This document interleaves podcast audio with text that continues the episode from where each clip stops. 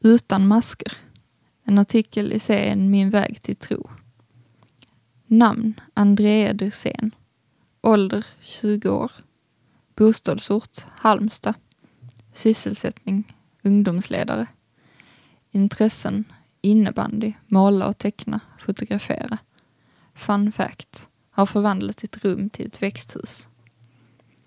Livet som kristen kan ibland förknippas med regler och måsten. För Andrea har livet med Jesus varit det motsatta.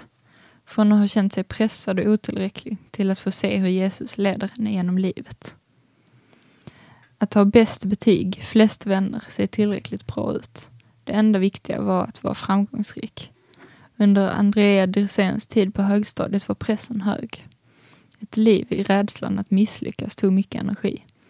Men när hon som konfirmand fick möta Jesus för första gången förändrades allt.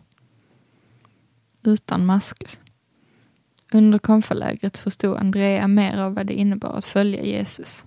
Hon minns särskilt en av kvällsandakterna. Vi hade fått göra egna gipsmasker. Under andakten fick vi lägga av maskerna inför ett kors, som en bild för hur vi inför Jesus får lägga bort allt vi försöker låtsas vara.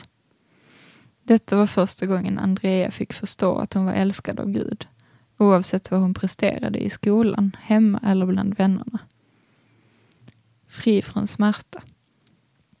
Andrea fick tidigt uppleva hur Jesus kan hjälpa på ett konkret sätt. Innebandy är ett stort intresse och ett tag tränade hon upp till sex gånger i veckan. Till slut orkade kroppen inte med längre. Ryggen överbelastades och en nerv kom i kläm. Trots detta fortsatte hon träna, men det gjorde allting värre och till sist gjorde det så ont så att hon fick stanna hemma från skolan. Hennes vänner började be.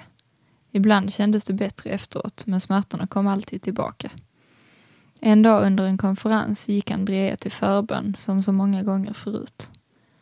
Den här gången kände hon en plötslig ström av värme gå igenom hennes kropp, som om något varmt fyllde henne, något hon inte känt förr. Smärtorna försvann från ryggen och kom inte tillbaka den här gången. Sedan dess har Andrea varit fri från besvär i ryggen och kan röra sig och spela innebandy. En resa med Jesus. Idag är tron mittpunkten i Andreas liv, det som ger henne motivation och livsglädje. Hon får ofta pröva sin tro, bland annat i familjen som inte är kristen. Min familj säger ibland att det är konstigt att jag lägger hela mitt liv på en hobby. Men för mig är det mycket mer än så. Och jag sporras av det till att be för min familj och söka kristen gemenskap.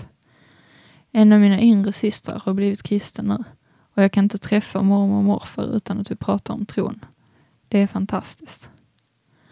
Både mirakel och utmaningar har präglat Andreas liv sedan hon blev kristen. Men framförallt har hon fått hopp.